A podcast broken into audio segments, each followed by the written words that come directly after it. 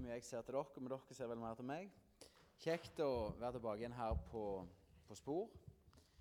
Eh, jeg skal, eller vi skal i kveld se litt på at, eh, at vi er elever i Guds skole.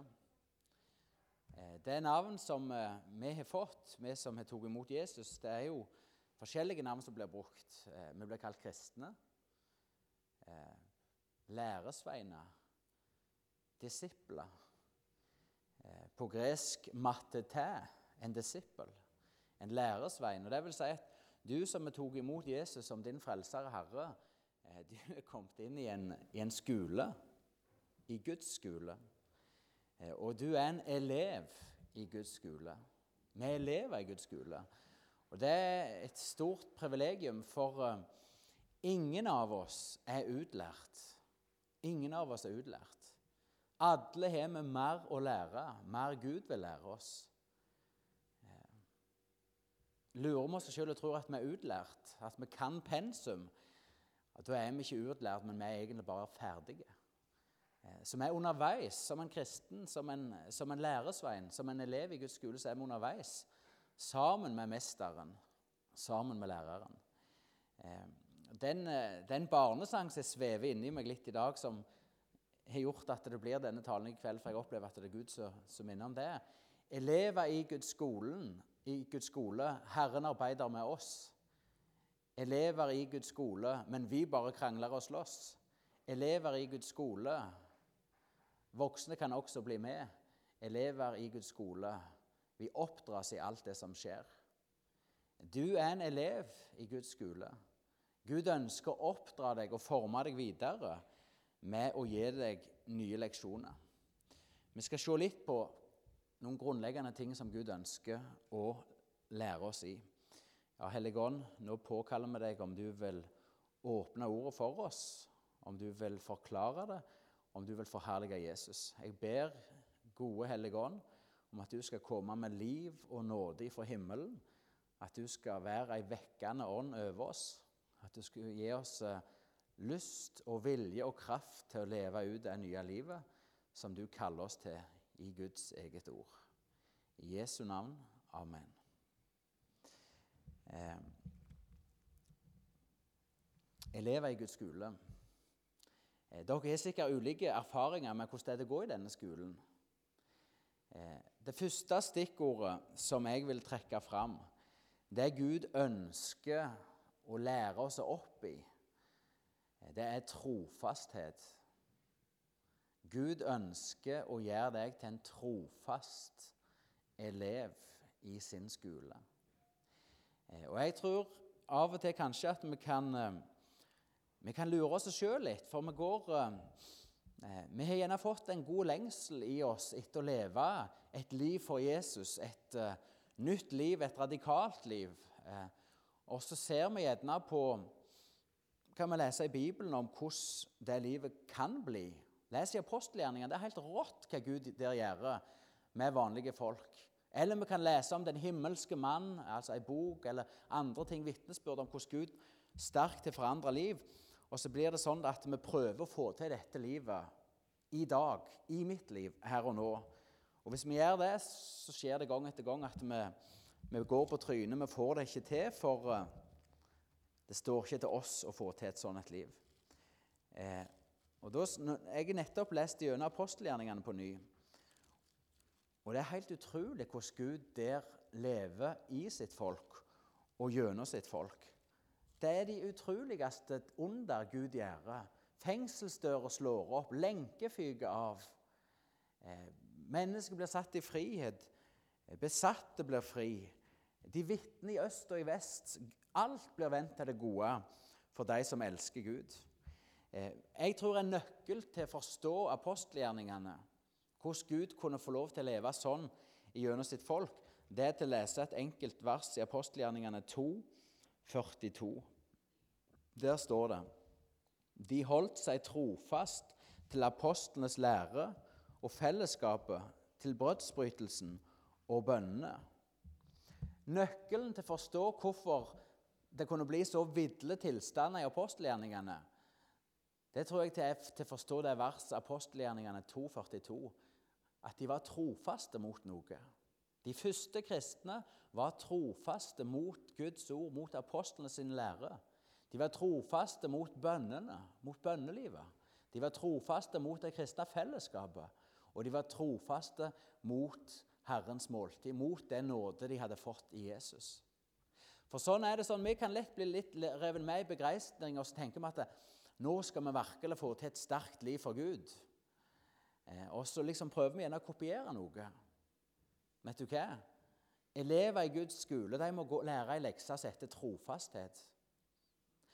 Skal, Gud ønsker deg at du skal være trofast mot ham. I, nå skal jeg bruke noen gamle ord, i den kall og stilling du nå befinner deg i.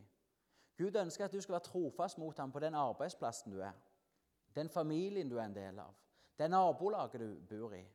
Gud ønsker at du skal være trofast mot ham i det små. For det er der det, er der det starter med at vi er trofaste mot ham. Og Det står også en eh, flott eh, fortelling i Mattes 25 om noen tjener som fikk litt penger av sin herre til å forvalte. Og så forvalta de det. Og så kommer Herren tilbake til en som hadde formalt Vi kan slå det opp. Mattes 25, vers 21.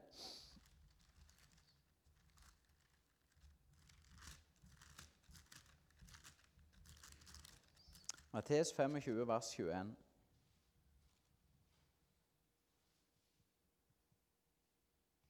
Hans herre svarte, 'Bra, du gode og tro.' Du tro, du trofaste tjener. Du har vært tro i lite. Jeg vil sette deg over mye. Det er en nøkkel og en sannhet i Guds rike. Gud ønsker troskap av sine tjenere. Og Det starter med at Gud betror oss litt, noe. Og så vil han at vi skal være trofast mot det lille vi har fått. I plassen for at vi vil liksom hoppe helt fram og så kan vi liksom se hvordan et, liv, et langt liv i troskap hvordan det kan bli, så tenker vi at det skal jeg bli i dag eller i morgen. Nei, Gud vil du skal være trofast mot det du har fått. Mot de evnene du har fått, mot den tjenesten du har fått. Mot de mennesker som møter deg. Mot den åpenbaring Gud har gitt deg. For sånn er det også, vi vi kan lengte etter de store synene, den sterke kallsopplevelsen. Å ja, Gud er en Gud som kaller sånn. Og Han kan gripe rett inn i ditt liv i morgen. Men vet du hva? Søk ikke dette, men vær trofast mot det lille lys du har fått, mot den åpenbaring Gud har gitt deg. Så skal ut av at du er trofast mot det lille, så vil Gud åpne og gi deg mer av det han har i tankene for deg. Så er sånn, sånn, er det for oss som er elever i Guds skole. Vi er kalt til å være trofaste. I det lille, i det små. Tenk, tenk også på Jesus. Han, han levde i 30 år. I 30 år vandra Jesus på denne jord, trofast mot sin far i himmelen. I 30 år så gikk Jesus forbi syke mennesker. Men så var tida, Guds time, inne.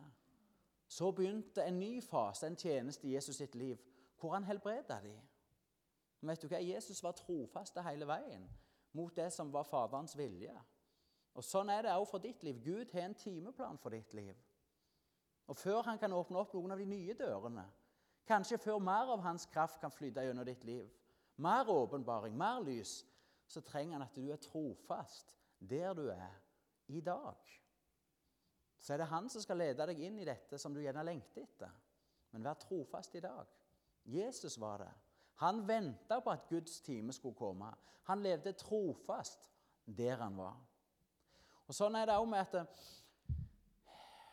vi, vi, vi, søker gjerne av og til at det skal være så ekstraordinært, kristenlivet. Og det kan det være. Det er et overnaturlig liv, det er fellesskap med Gud. Men Jesus gikk stort sett på landeveien i Galilea. Ved en anledning så gikk han over Genesaretsjøen. Men det vanlige var at han tok føttene fatt eller brukte båt. Likt er det òg i ditt og mitt liv. Vær trofaste der du vandrer på den landevei, i den båt du sitter. Ja, Gud kan ved en anledning bære deg overnaturlig gjennom noe. Og det vil han. Men vær trofast der du er, i dag. Det var det første jeg ville sagt. Til elever i Guds skole, vær trofaste med det lille Gud har gitt deg. Det som er betrodd deg, så vil Gud velsigne deg med mer. neste punkt jeg vil trekke fram, det er elever i Guds skole. Hold fast på Guds ord. Jesus kaller sjøl dette i fortellingen om Martha og Maria for den gode del, som ingen skulle få ta ifra Maria. Du som ønsker å være underveis med Jesus og være en elev i hans skole, hold fast på hans ord. Jesus sa sjøl, 'Dere er mine disipler hvis dere holder fast på mitt ord'. Og Jesus sitt ord er et ord som vi trenger dag for dag å høre. Men vi trenger òg å handle på det. Jesus sa sjøl i Lukas 6, 46 at klok er den mann som hører mine ord og gjør etter dem. Men tåpelig er det mennesket som bare hører mitt ord, og som ikke handler i samsvar med det de har hørt. Elever i Guds skole Gud vil trene deg til å være en som hører ordet dag for dag, og som handler på ordet. Gud når ikke sitt mål med sine disipler, som bare blir de som hører ordet, og som ikke handler på det. Og Da sier Bibelen at vi lurer oss sjøl. Den som bare er ordets hører og ikke dets gjører, bedrar seg sjøl, sier Jakobs brev. Og sjølbedrag er noe av det skumleste, for vi er ikke klar over det sjøl. Det går an å sitte et helt liv på en stol på et bedehus og høre, høre, høre. høre. Og vet Du hva? Du kan sovne på stolen din hvis du aldri reiser deg og handler etter ordet. Når Gud kaller deg til noe i sitt ord, motta det. Reis deg, gå på det. Elever i Guds skole trenger å være mennesker som hører og gjør etter Guds ord. Eh, og igjen, du ser gjerne for deg og Det er bra hvis du har en lengsel etter et nærere liv med Jesus. Et dypere fellesskap, mer kraft. Alt dette er Den hellige ånds verk i deg. Han drar deg og gir deg denne lengselen. Men vet du hva? Hvis du lengter etter dette, og det skal skje i ditt liv For Gud vil gi deg dette. Han ønsker det. Hold fast på ordet i dag. Du som, som lengter etter dette, spis Bibelen i dag. Og igjen de første kristne apostelgjerningene 242 de var trofaste mot Guds ord. Daglig samla de seg. Daglig hørte de Guds ord. Gud kan forandre ditt liv som han forandrer livet til de første kristne. Men igjen, han trenger trofasthet. At vi trofast holder oss til Hans ord. At vi trofast er til Hans ord. At vi trofast er villige til å handle på Hans ord.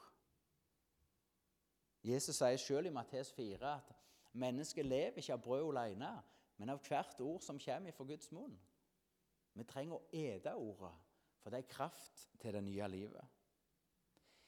Elever i Guds skole En uh, annen undervisnings, undervisningstime som jeg syns har vært utfordrende for min del å leve i og, og motta, det er eh, den timen i Guds skole som heter stillhet.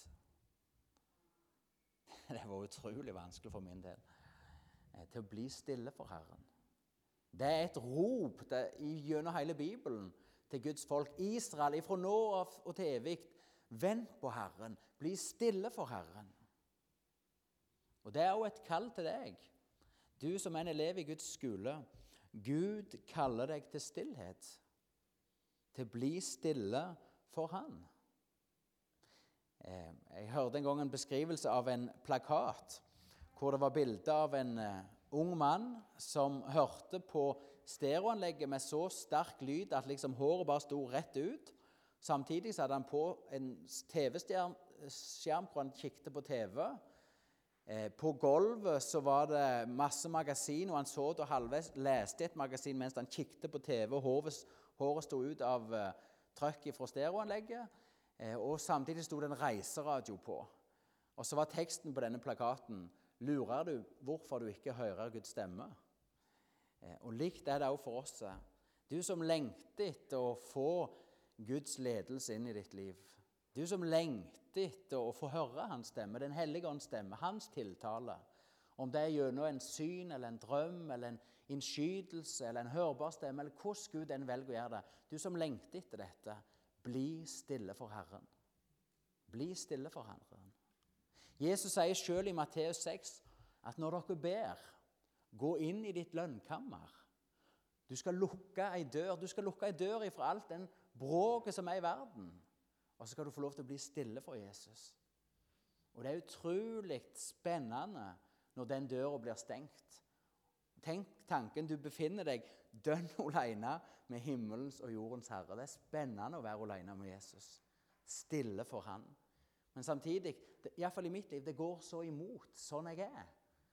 Det er så utrolig lett å fly vekk fra den stillheten. Men så er det så velsigna godt når en søker den stillheten og får lov til å falle ned for Jesus sine føtter og bli stille. For det skal dere vite, i verden er det storm. I verden er det bråk. Og det gjelder også Jesus. Han, jeg er sikker at til hver øyne her inne så har han åpenbart noe. Jesus har vist deg noe, gitt deg noe. Og vet du hva? Djevelen han er en tjuv. Det sier Bibelen. Han gjør alt som står i sin makt for å stjele den åpenbaringa, det ordet som ble levende, det kallet Gud kom med deg. Han gjør alt i verden for å stjele det fra deg. Derfor, når du får noe fra Jesus, når du er i Hans ord, i stillheten, eller hvor du enn befinner deg, hold fast på det. For verden og djevelen vil forsøke å ta det ifra deg. Eh, og Det tror jeg gjerne er Jeg vet ikke om det gjelder noen her inne, men hvis vi ikke er klar over at vi som kristne står i en kamp Gud har en plan med ditt liv. Gud har ferdiglagte gjerninger, sier Efeserne 2,10, som han har forberedt for at du skulle få vandre i de. Tenk på den tanken. Gud har gått foran deg, og så har han forberedt noe. Gjort noe sånn perfekt for at du skal få vandre inn i det. Tenk den tanken. Den fyller meg med begeistring, men også med litt ærefrykt. For hvis ikke jeg vandrer inn i det Gud er forberedt, så blir det aldri fullført. Gud har forberedt noe for deg. Men sterke krefter, verden, vårt kjød eller ting i oss, og djevelen forsøker oss til å glemme det Gud har forberedt. Glemme det Gud åpenbart. Og Derfor tror jeg at mange kristne Jeg vet ikke om det gjelder mange her inne, men det er sånn en egentlig hele veien Kristenlivet er sånn at en begynner på nytt. Og det, gjelder, det er sant når det gjelder nåden, men men hvis det er sånn at vi skal glemme eller miste eller bli frastjålet alt det Gud tidligere har gitt oss, så er det sånn at vi aldri kommer oss videre. Hvis Gud har kalt deg til en tjeneste, hold fast, vær trofaste. Stå i han, stå på han. Sånn tror jeg jeg innbiller meg at mange kristne de har en lengsel om å komme videre. Men så har gjerne ikke gjennom Guds ord og Guds ånd blitt opplyst til, å få innsikt i den kampen. Det som til hele veien drar de ned Tilbake igjen til startstreken. Her vil du alltid være. Du vil ta to skritt, og så er det tilbake igjen. Vet du hva? Sånn er det ikke. Løft blikket. Fest deg på Jesus. Du skal få fullføre løpet. Du skal gå videre. Du skal få seire over verden. Du skal få seire over synd. Du skal bli stående i djevelens angrep mot ham. For du kan vinne seier i Guds kraft. Gud kan seire for deg. Så tro ikke djevelen når han kommer med sine løgner. Vet du hva? Du vil alltid forbli der du er. Du vil aldri komme deg videre. Gud kan ikke bruke deg. Hold fast på det du har fått. Hold fast på Guds ord. Gud vil føre deg videre. Elever i Guds skole, i stillhetens skole Jeg vet ikke om du tok mange timer i stillhet, stillhet alene med Jesus. Har du gjort det, bra, fortsett. Har du ikke prøvd det, søk stillheten. Jesus kaller deg til stillhet. Et bilde en kamerat fikk av meg for en del år siden i forbindelse med at eh, jeg skal ikke ta denne historien her, men Gud kalte meg ut av prestetjeneste, og så, så ledet han meg og familien til en gard på Klepp for at vi skulle få lov til å bo der. Men et bilde han fikk, det var bilde av en av en mann med en stav og ei vannflaske som gikk på en smal vei mot et fjell og forsvant ut av syne. Og det vet jeg. Jeg vet at Gud har kalt meg til ensomhet og stillhet med Han. Men det vet jeg at Gud også har kalt dere til å komme alene med Han. Komme inn i stillheten og ensomheten. Som jeg ærlig erkjenner at jeg mange ganger har synda mot den hellige stillheten. Mange ganger har jeg bare durt videre med mine tanker og prosjekt og glemt av hvor avgjørende viktig det er at vi søker stillheten for Herren. Det er et privilegium. Eh, det er utrolig. Eller det er en måte å bli fornya på, å få bli stille for Han. Og mest av alt, vi får være alene. Kvalitetstid med Han som elsker oss, og Han vi sjøl elsker så sterkt tilbake. Elever i Guds skole eh, Du skal ikke bare ta timer i stillhet, i, eh, i Guds ord, i trofasthet, men Gud vil også gi deg undervisningstimer i lydighet. Elever i Guds skole de blir opplært til å være lydige når det koster noe. Til å være lydige når verden lærer av deg. Til å være lydige når ulydighet ser ut som det eneste fornuftige. Vet du hva Gud sier i sitt eget ord i Samuelsbøkene? Lydighet er bedre enn brennoffer.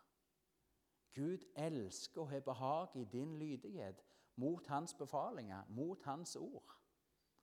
Og Det er en grunnleggende leksjon vi alle på ny og på ny må gå inn under. Lydighet mot det Gud har sagt. Lydighet mot Hans ord. Og Gud sier sjøl i Jesaja at det er disse jeg ser i nåde til. De som skjelver og kjenner seg knust av mine ord. Du som viser lydighet mot Guds ord, erkjenner det som sant og la det gjelde over ditt liv. Du har løfte om nåde. At Gud vil se i nåde til deg. Jeg er sikker på at ulydighet mot det Gud har sagt i sitt ord, det stenger igjen så mange av Guds dører og Guds veier til et rikere liv med Han for så mange kristne. Djevelen er den samme, han som kviskra til Eva Har Gud virkelig sagt? Og Så begynte Eva å bruke sin fornuft. og liksom, ja, men Tre ser jo godt ut. og Hvorfor i all verden skal vi bli straffa av å ta av det? og Det ser til og med flott ut. Og Sånn har djevelen klart å lure så mange mennesker. Det begynner å bruke sin egen fornuft og egentlig rasjonalisere over Guds bud og Guds ord. Ah. Og så kvisker en ny tanke. Du skal slettest ikke bli straffa, men du skal bli som Gud. Og Sånn er djevelen. Han er så slu. Han lurer mennesket til opprør mot Guds vilje, og så lokker han de til med, med noe fromt. Du skal bli enda mer lik Gud. Det er en del av helliggjørelsen. Sånn prøver han seg også i ditt liv.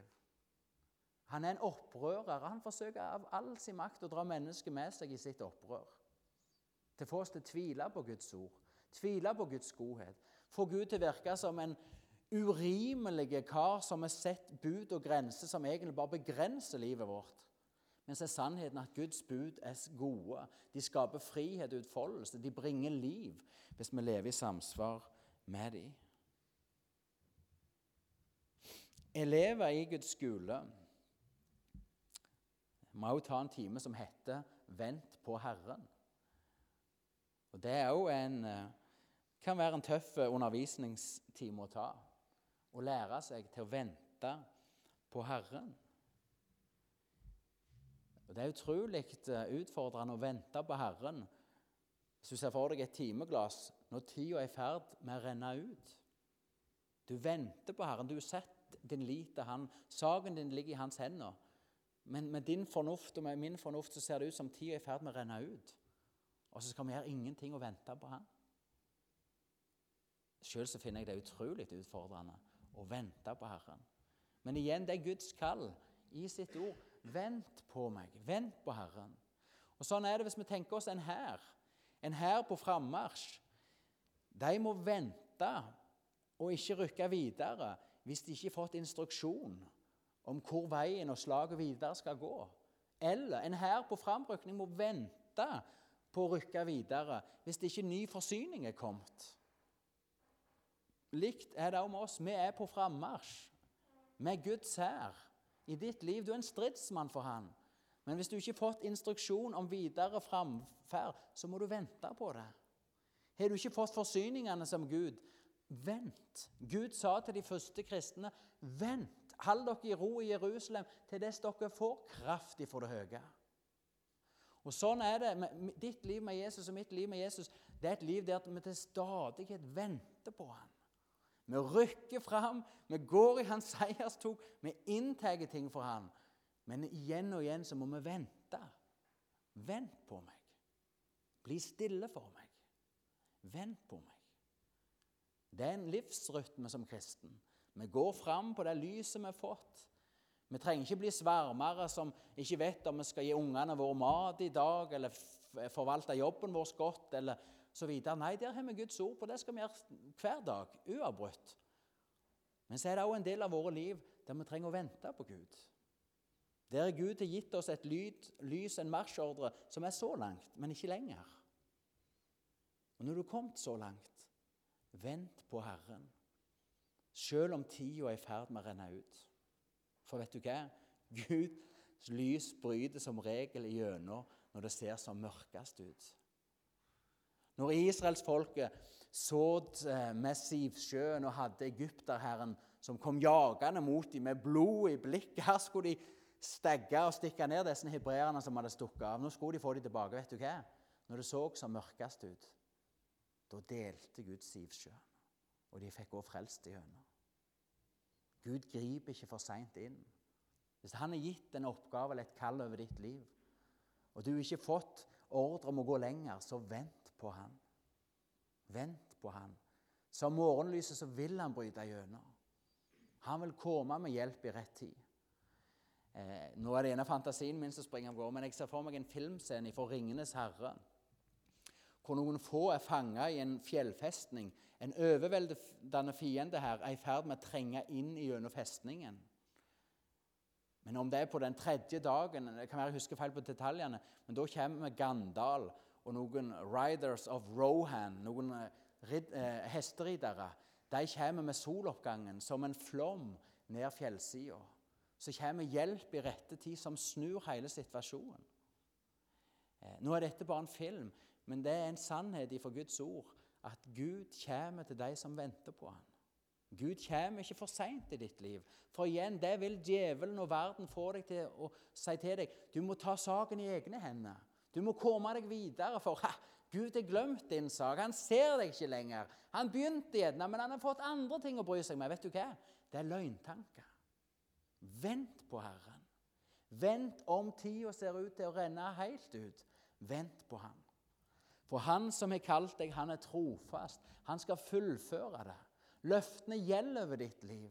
Gud har ikke glemt din sak, din vandring, men han ser deg, og han ser din livsvei.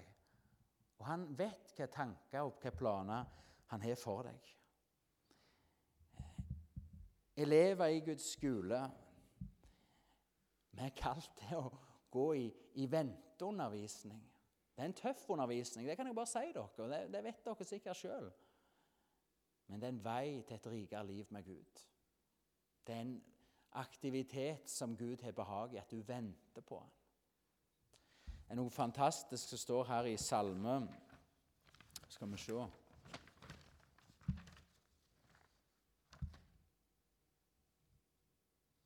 Salme 25. Herre, lær meg dine veier og lær meg dine stier. La meg få vandre i din sannhet. Lær meg, Gud, for du er min frelser. Jeg venter dagen lang på deg. Hæ? Vi må si med salmisten, Gud, lær meg dine veier. Lær meg dine stier. Jeg venter dagen lang på deg. Jeg rykker ikke fram før du har vist. Jeg venter til du åpner døra. Så vil jeg gå. Elever i Guds skole det er òg en leksjon vi må lære når det gjelder lovsang. Elever i Guds skole, vi trenger å tilbe og synge lovsanger til Gud når verden slår oss og står oss imot. For igjen når Gud kaller oss inn i noe, tjeneste eller hva det måtte være, så vil det være forbundet med motstand. For du må igjen huske på dette at når Gud kaller deg til noe, så er det for at Hans rike skal gå fram. At menneske, flere mennesker skal få del i frelse. At du skal bli enda mer grunnfesta i Han. Og dette gjør djevelen sint. Han setter all sitt skyts imot de som Gud sånn fører. de som Gud får ta inn i sine planer, de reiser djevelen seg imot. Og da er det sånn at når Gud har kalt deg til noe, så vil du gjerne plutselig oppleve at det blir noe mer motstand og motgang. Og det, det skal du ikke se vekk ifra, at det er motstanderen som prøver å ta motet ifra deg. Et eksempel fra apostelgjerningene 16 med Paulus som har et nattlig syn, hvor han ser en makedonier som står og roper 'Kom og hjelp oss'. Og så forstår Paulus at det er Gud som kaller de til å forkynne evangeliet over i Europa. Og så de, prøver de straks etter å ha fått den åpenbaringen, så prøver de straks å finne en sjøvei over. Og så kommer de til Makedonia. Eh, og det som ganske snart skjer med dem, vet du hva det er? Det er ikke noen rød løper, og det er heller ikke han mannen fra synet som står og liksom 'Velkommen, her er jeg, frels meg.' Nei, vet du hva? Det er fengsel. Det er piskeslag. Paulus og Silas sitter lenka innerst i fangehullet med blodige rygg. Og vet du hva som står? Midt på natta klokka tolv. Da ber de og synger lovsanger til Gud. Djevelen han prøvde sikkert å få dem til å tenke Vet du hva, Paulus, du tok skikkelig feil på den der Makedonia-åpenbaringa. Her sitter du lenka inne, nytteslaus og hjelpeslaus, og ikke godt for noe. Men vet du hva? Paulus var akkurat der Gud ville ha ham. Og i møte med en verden som slår, og en djevel som vil forsøke å trykke ned, så synger Paulus og Silas lovsang, og de ber. Og igjen, det er ikke sikkert at de starter der oppe. Men det kan være imot alt det de følte, alt det de kjente, smerten som var på ryggen og blodet som rant, så holder de fast på Guds trofasthet. Stor er din trofasthet. Stor er din trofasthet. Din miskunnhet varer. Så begynner det for, Gjerne forsiktig kan det ha vært i fangselholdet der. Men så øker de styrke. For det er sånn når vi begynner å tilbe mot våre følelser, mot våre omstendigheter, så øker kraften i vår ord og vår stemme. For vi minnes om Guds storhet og trofasthet. Og så skjer det det i fengselet der, at ordet deres, lovsangen, den når til de andre fangene. De hører det. Men det er ikke bare fangene som hører det. Gud hører det. Gud hører det. Og vet du hva? Det skjer et nytt under der i fengselet. Gud rister så dørene spretter opp så lenkene detter av. Og midt der det så ut som de hadde bomma på målet, vet du hva? Der er det en fangevokter. En mann som han i synet, som er i ferd med å ta sitt eget liv. Og Paulus roper 'Vent! Stopp!' Og så skjer det fantastisk at Paulus får forkynt Jesus til denne fangevokteren. Og Fangevokteren i plassen for å være en som skulle sikre at lenkene var på Paulus, så steller han såra. Så tar han og hele hans hus imot Jesus som sin herre og frelser. Så var det en som trong hjelp, som fikk hjelp. Men Paulus og Silas de sang lovsanger. De ba og tilba når de var lenka, når de var i trengsel og hadde det vanskelig. Og Det er en leksjon du trenger å lære for ditt liv. For når Gud gir deg et syn, en visjon, en åpenbaring, kaller deg inn i noe, vet du hva? Du vil få trøbbel. Vær du sikker. Helt sikker så vil du få trøbbel. Djevelen vil forsøke å ta mot ifra deg, lenke deg fast, få deg til å trekke deg tilbake. Vet du hva? Du trenger å lære den leksjonen som Gud så gjerne vil lære deg. Syng lovsang når verden slår. Tilbe din Gud for hans trofasthet når det synes som om han er langt vekke. For han har ikke forlatt deg. Du kan være midt i Guds plan, selv om murene står deg imot. Og det er en Jeg skal ikke bruke sånn nøkkel, men, men, det er et liv vi er kalt å leve. Et liv der vi på tross av det vi ser og føler og erfarer, tilber Gud. Ut ifra sannhetene i Hans ord, ut ifra det Han har gjort for oss. Og så vil det òg skje i ditt liv at når du lever sånn som Paulus og Silas, så vil dører springe opp. Lenker vil dette av, og mennesket vil begynne å søke en frelser, og du skal få lov til å hjelpe dem. Gud er trofast. Han er trofast mot deg i ditt liv. Til slutt Det er utrolig mye mer vi kunne sagt om hva Gud ønsker å lære oss, men jeg, jeg kan ikke ta alt i kveld. Men eh, elever i Guds skole Herren arbeider med oss. Og vet du hva? Gud arbeider for at du skal ha ei tru som heller. For å styrke troen din, for at du skal ha ei tru som seirer. Eh, og Abraham, han som ble kalt for troens far, han ble kalt når han bodde i Mesopotamia, langt vekke fra det lova land. Vet du hva? Han var lydig mot det kallet han fikk. Han trodde Guds ord, Guds kall. Han brøt opp ifra sin familie, sitt farshus, sitt land, sitt folk. Og så ga han seg ut på en lang vandring mot det lova land, mot oppfyllelsen av løftene.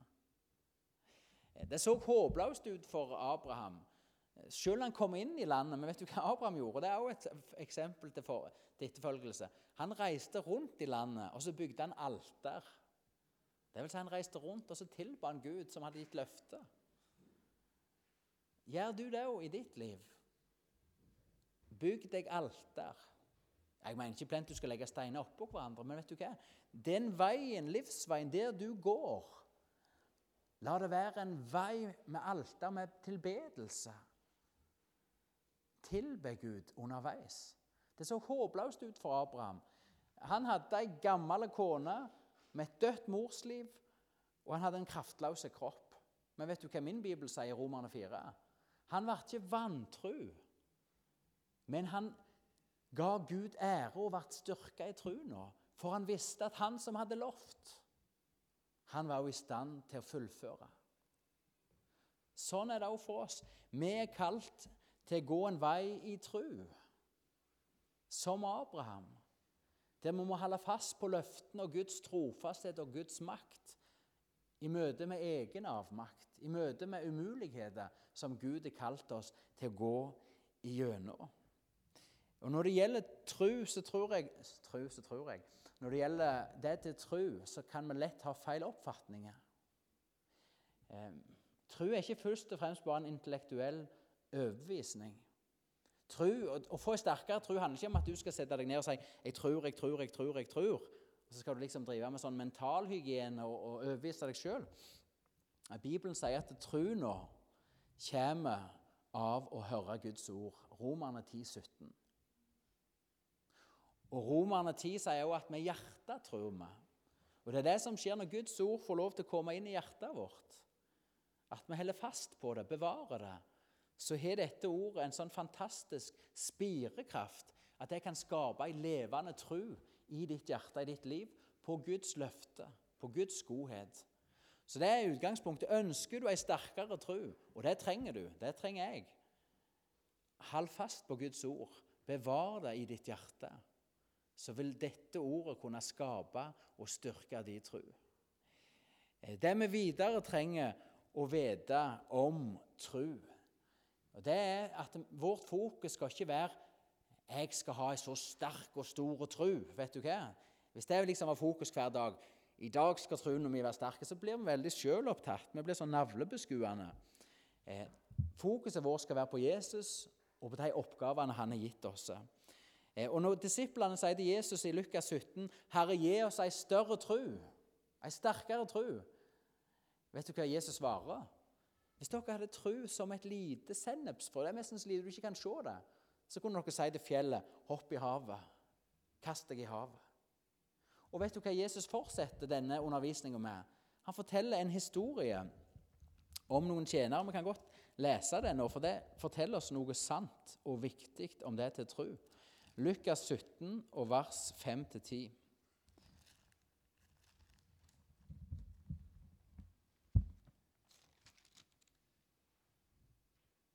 Apostlene sa til Herren, 'Gi oss større tro.' Herren svarte, 'Om dere hadde tro som et sennepsfrø, kunne dere si til dette morbærtreet, rykk deg opp og slå rot i havet, og det skulle adlyde dere.' Dersom en av dere har en tjener som er ute og pløyer eller gjeter, vil han da si til tjeneren når han kommer hjem fra markene, Kom nå og sett deg til bords. Nei, han vil si, Lag til kveldsmaten, bind opp kjortelen og stå til tjeneste for meg mens jeg spiser og drikker. Etterpå kan du selv få deg mat. Takker han vel tjeneren for at han gjorde det han var pålagt? På samme måte med dere, når dere har gjort alt som er pålagt dere, skal dere si, vi er unyttige tjenere og har bare gjort det vi skulle. I disse versene ligger en nøkkel for ditt trosliv. En nøkkel for ei sterk tro. For ditt og mitt fokus det skal være på å utføre det Jesus i sitt ord har befalt oss. Om det er til å være ute på åkeren og jobbe der eller passe sauene. Men vi skal utføre alt det han har befalt oss. Det er nøkkelen til ei sterk tro. Det er til å være trofast igjen som vi begynte, til å være trofast i det små. Til å være trofast mot Guds ord. Til å gjøre de tingene Gud ber deg om i sitt ord. Da er vi forvaltere som tar vare på det Herren har betrodd oss. Og hvis vi lever sånn, hvis du lever sånn, vet du hva? Da har du ei tro som er i stand til å si til det treet 'Kast deg i havet'. Da har du den troen som trengs for å utføre de oppgavene. For tro er Guds verk og gave til oss. Og denne troen får lov til å vokse seg sterke når vi er lydige og utfører Hans befalinger. Så det er den ene aspektet som jeg vil si med tro. I trosskolen til Gud så må du lære deg til å utføre Hans befalinger. Fokuset må være på å utføre de oppgavene du har fått. Eh, det andre vi kan lese, er fra Lukas 7, og vers 1-10. og Det er om offiseren. Lukas 7, vers 1-10.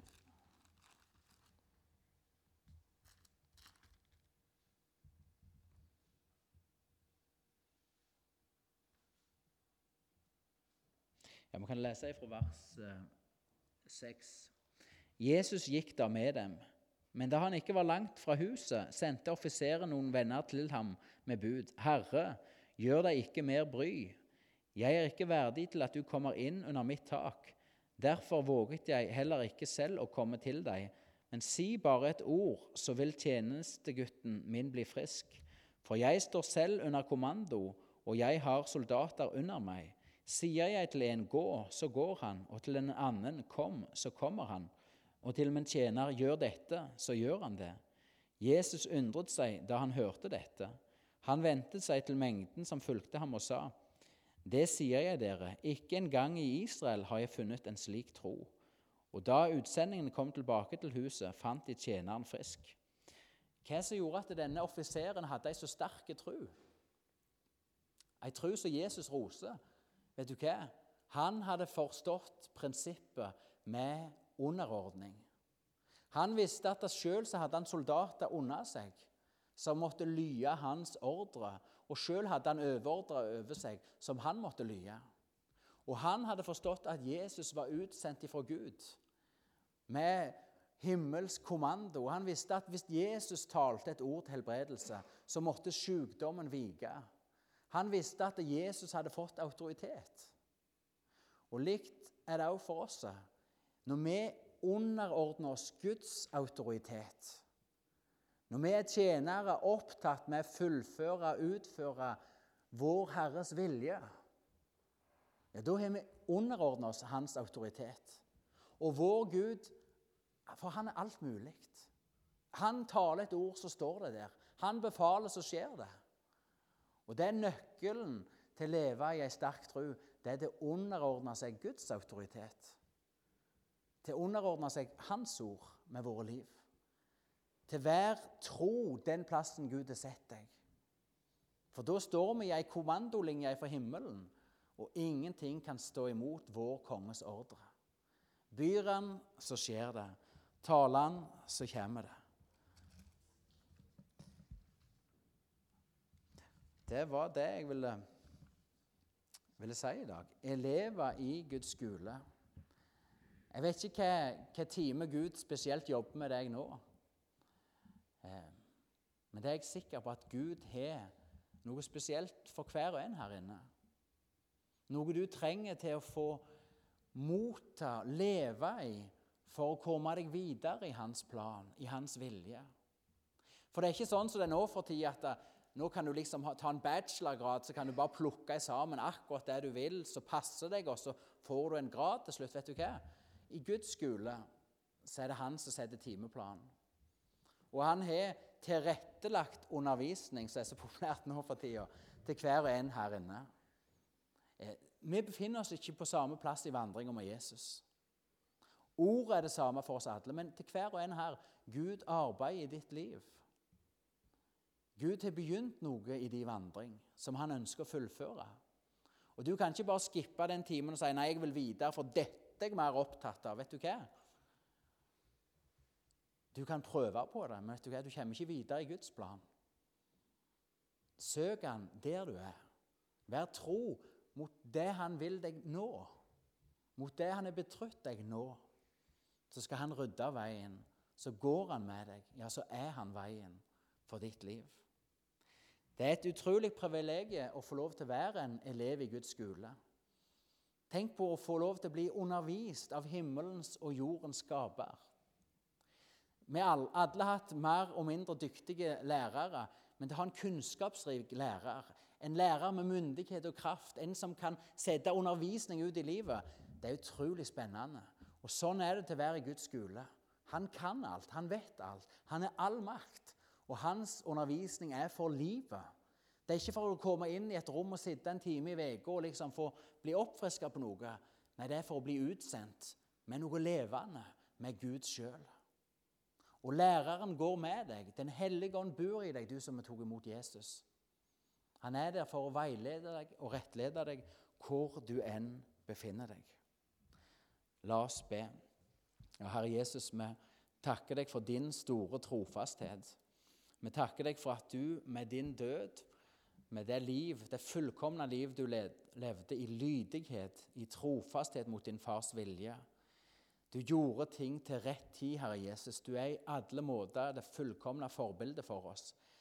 Og takk, Jesus, for at du kaller oss til å få lov til å gå på din vei, på Mesterens vei, for at vi skal få lov til å bli undervist av deg, til å få lov til å leve livet sammen med deg.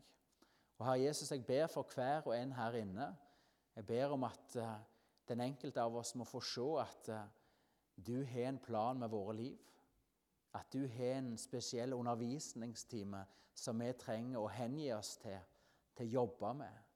Og Herre Jesus, jeg ber om at du må åpne ditt ord for hver og en her inne, så vi kan få av visdommen, av livet, av krafta som ligger skjult i ditt ord så ber jeg deg, Herre Jesus, om vekkelse, om en åndens aksjon over spor, over misjonssalen.